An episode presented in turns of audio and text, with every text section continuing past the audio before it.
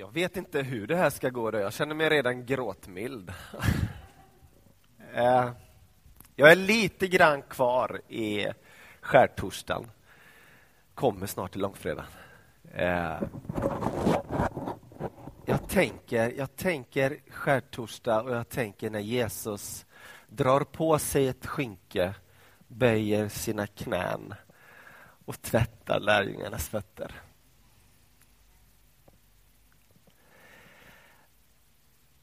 Alltså skaparen betjänar det skapade.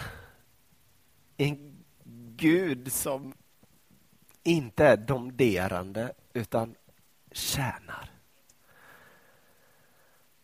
Det är kristen tro. Wow, att vi får tillhöra det. Vara en del av det.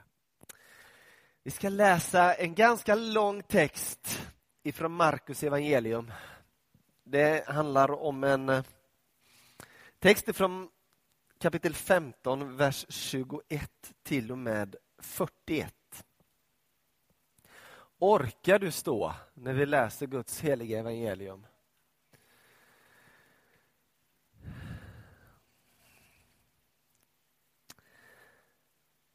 De hejdade en man som just kom in från landet, Simon från Kyrene far till Alexander och Rufus. Honom tvingade de att bära Jesu kors.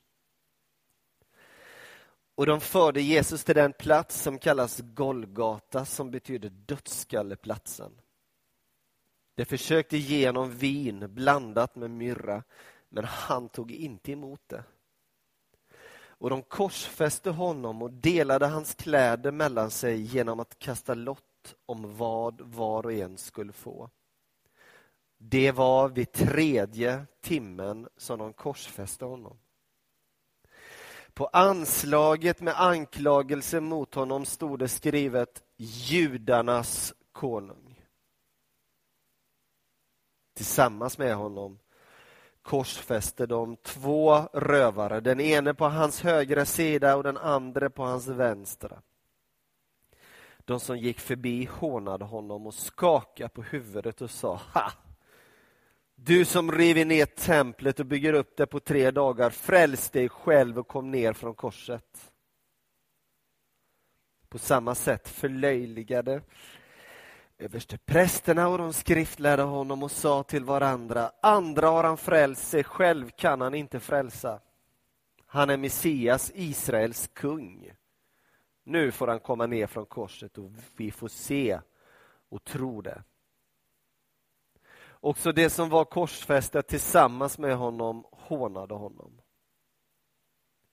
Vid sjätte timmen kom ett mörker över hela landet som varade fram till nionde timmen. Vid nionde timmen ropar Jesus med hög röst Eloi, Eloi lema sabachthini. Det betyder min Gud, min Gud. Varför har du övergivit mig? Några av dem stod där och hörde det och sa Hör, han ropar på Elia.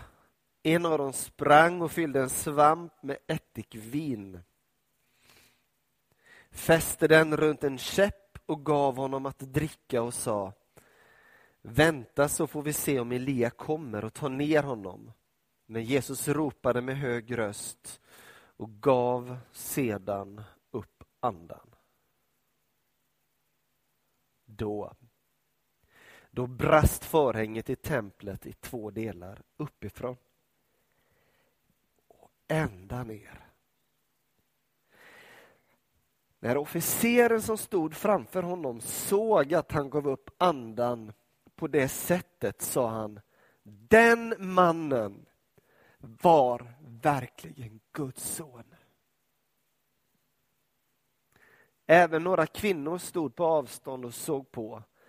Bland dem var Maria, Maria Magdalena och den Maria som var Jakob den yngres och Joses mor samt Salome.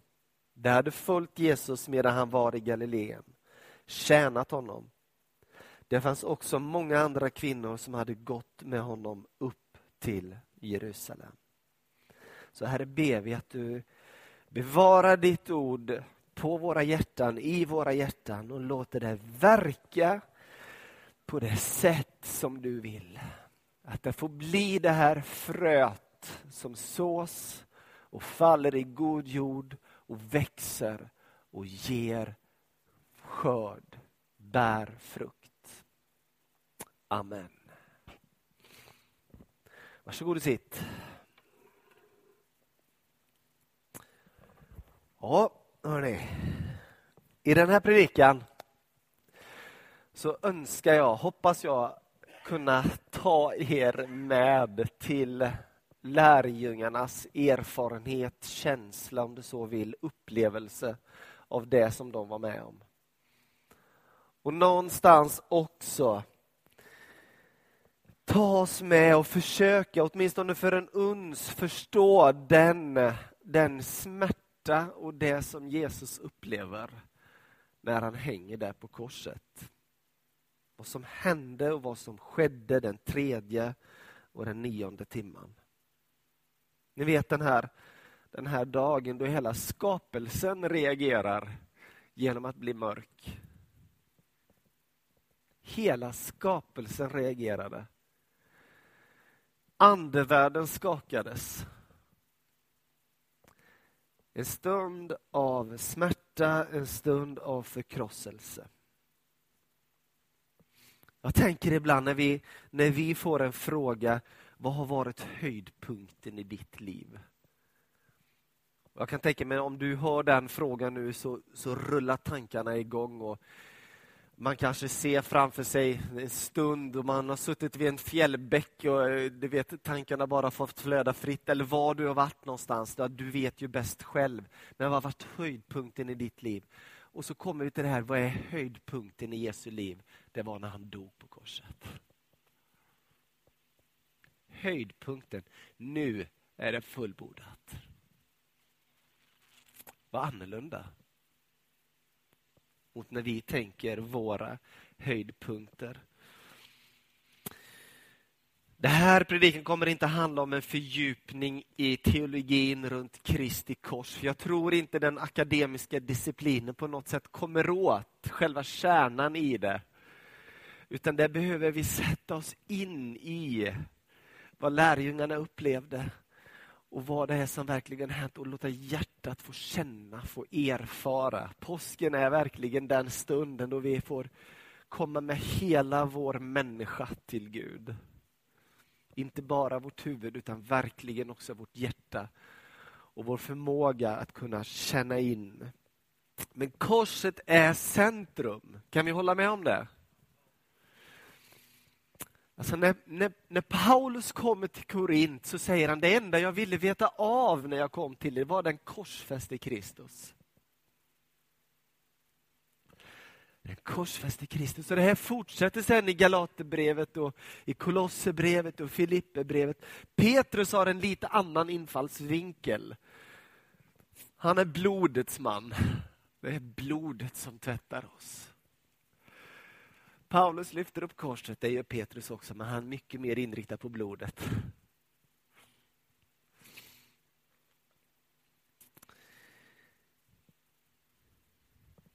Kan vi också hålla med om att utan död så blir det ingen uppståndelse. Det är ganska logiskt. Det är ganska enkelt. Utan död, så vad är det som ska uppstå? Så den här fredagen behövs, även om den ibland kanske kan vara tung, men jag tror att den har ett ärende in i våra liv. Vi som vill smita från allt vad, vad lidande och kamp heter. Minsta motståndets lag. Låt oss ställa oss för en stund vid tillsammans med Jesu lärjungar. Tänk dig in i den här impulsiva känslostyrde, aktive, hetsige Petrus. Som hade fått lämna sitt fiskeri och fått gå tillsammans med Jesus i kanske tre år.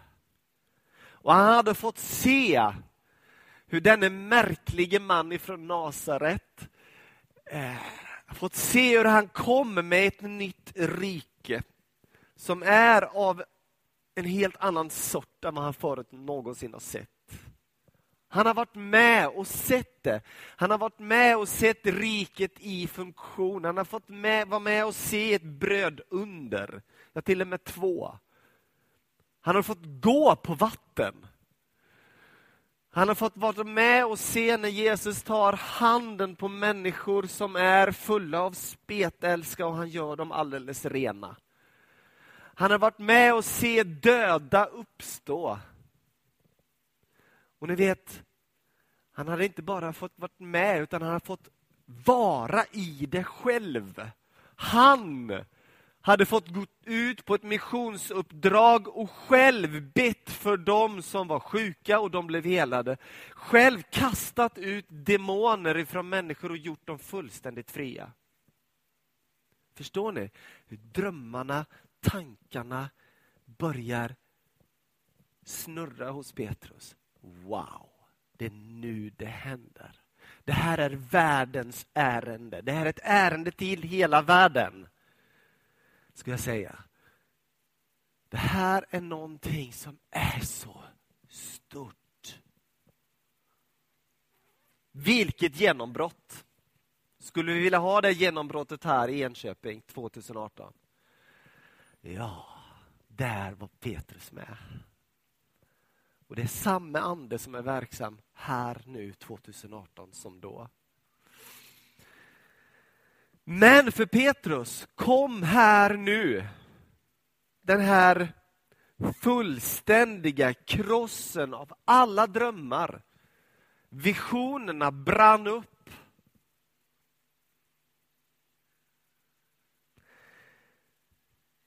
Han förnekar till och med att han känner den här mannen, Jesus från Nasaret. Var inte du en av dem som gick med honom? Jag vet inte vad du talar om. Jag har aldrig sett honom. Jag vet inte vem det är. Allt föll ihop. Drömmarna var krasade. Visionerna var uppbrända. Ingenting kvar. Har du varit där någon gång? Har du varit där liten Petrus? Då det är liksom i botten. Fullständigt i botten.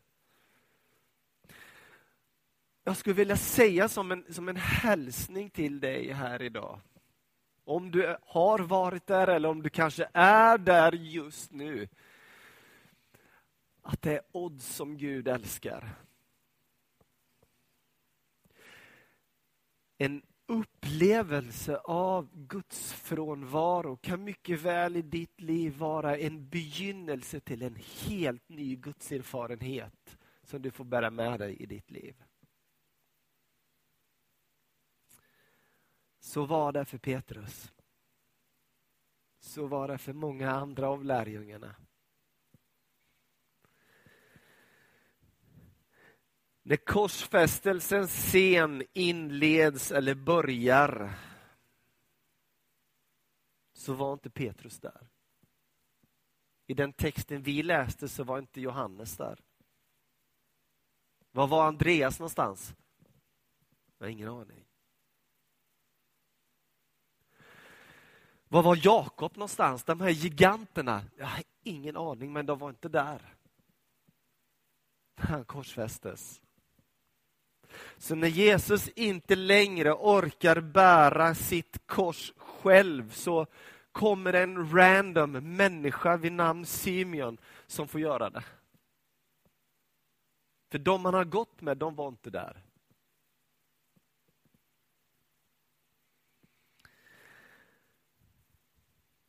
Det här är väl en, en paradox. Gud själv orkar inte bära sitt kors. Ska inte göra för stora växlar av det, men visst är det någonting här som väcker funderingar, som väcker tankar. Jag tänker lite grann så här. Vi har fått utmaningen ifrån Jesus själv att ta vårt kors på oss och följa honom. Vårt kors på oss och följa honom. Men tänk om vi kommer, precis som Gud själv kom, till en punkt där vi inte orkar bära korset. Vilken är den här random personen i ditt liv som då hjälper dig bära korset? Kanske det är så att vi behöver någon vid vår sida som hjälper oss att bära korset när du själv inte orkar. För du kommer till en punkt, Jesus kom till den punkten, då det inte längre var han som bar korset, utan det var korset som bar honom. Är du med? Det var korset som bar Kristus. Kan vi hjälpa varandra till den punkten? Det, det som hände på korset är verkligen det som bär oss. Men på den vägen så kan det hända att vi behöver hjälp av en broder eller en syster. Vem är din broder och syster i det läget? Var finns han? Var finns hon?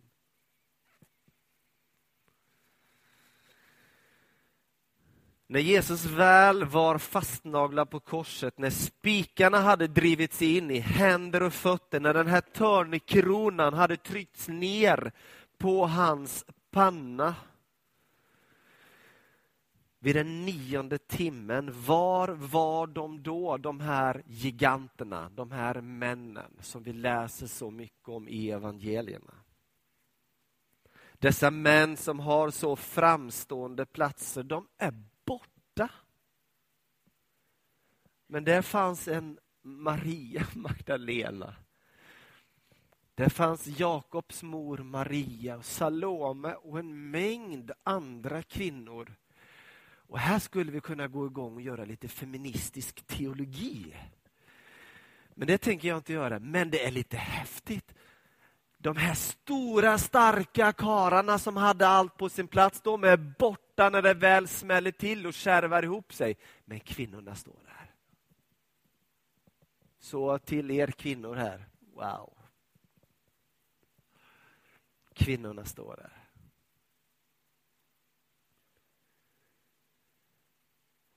Drömmarna, visionerna Det var grus nu. Det är över tomheten på något sätt har, har tagit strupgreppet om de som hade följt honom i tre år. Låt oss nu för en stund skifta fokus ifrån lärjungarna till han som hänger där på korset, till Jesus. Som hade pryglats på ett sedvanligt romerskt sätt. Och till den saken hör att de flesta som var utsatt för den prygen, de dog där under prygen. Men några kunde klara sig till korsfästelsen och bland dem var Jesus och de som han korsfästes med. Där på korset så frestas Jesus igen. Han hade frestats i öknen av djävulen vi läser om det i evangelierna. Och nu frestas han igen, men inte av djävulen så tydligt, utan det är genom andra människor. Om du verkligen är Guds son, så kom ner där från det där korset. Visa oss. Han frestas att inte gå lidandets och lydnadens väg. Han skulle kunna ha tillkallat en legion av änglar som har kommit och bara blåst fram där och liksom sopat bort allt vad motstånd heter. Men han gör inte det. Vid nionde timmen står vi inför paradoxernas paradox. Gud själv ropar till Gud. Gud, varför har du övergivit mig?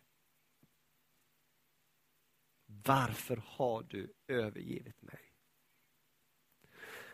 Är ni med här? Alltså han som var så nära Fadern. Han som sa till och med att jag och Fadern är ett. Inte ett ord kommer ur, över mina läppar som inte Fadern har lagt där. Jag gör alls ingenting utan att jag först sett Fadern göra det. Han som var så intimt förknippad med Fadern eller i relation med Fadern ropar nu ut Gud, varför har du övergivit mig? I sex timmar har han hängt där, hånad. Sex timmar med utsträckta händer fastnaglad. Med en uppfläkt rygg där den blottlagda nerverna gnider mot den hårdbarkade trät som sträcker sig upp från jorden. Där hänger han. Hans närmaste som han har satsat allt på, de är inte där. De som han älskar, de står där nere och hånar honom. Han har inte gjort något annat än att göra gott, men ändå hänger han där.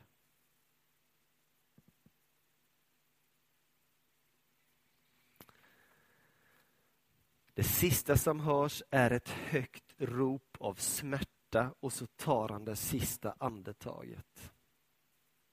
Han slutar att andas, övergiven av sina närmaste, övergiven av Gud. Är det en mardröm? Det var en verklighet. För ungefär 2000 år sedan på Golgata. Alltså kan vi förstå en mikrometer av den smärta och det lidande Jesus var med om. Tänk dig in i följande situation. Du ligger på din dödsbädd. Och du ligger där alldeles slagen av människor som du egentligen bara varit god mot, bara har älskat. Men de har slått dig sönder och samman och du ligger där på din dödsbädd.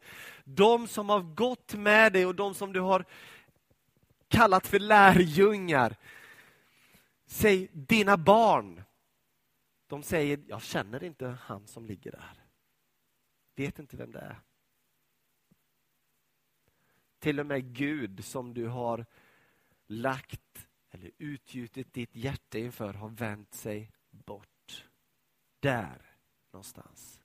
Där är priset Gud betalar för dig. Kan du känna lite av den digniteten, eller den tyngden i det budskapet. Det är vad det kostar för att förlåten ska få öppnas, för att du ska få ett liv tillsammans med Gud. Det är priset för vår synd.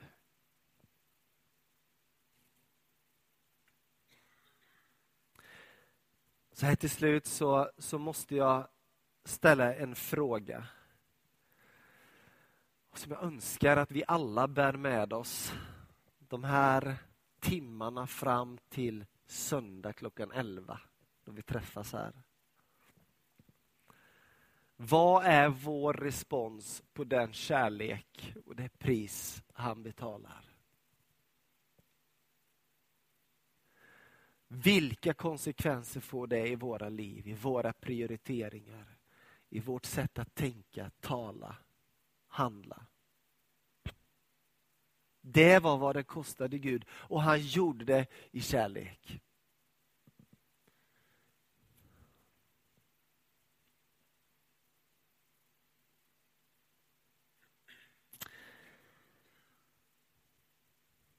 Jesus förutsade, om du läser evangelierna, så förutsade han aldrig sin död utan att samtidigt förutsäga sin uppståndelse.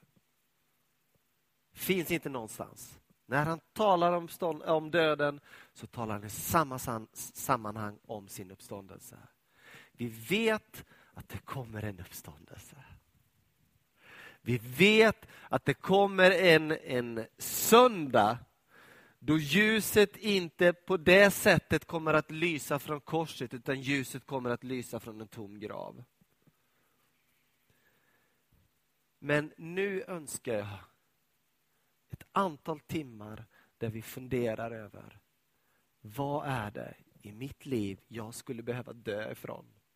Vad är det i mitt liv som borde stämmas efter den kärlek som han har visat mig på korset?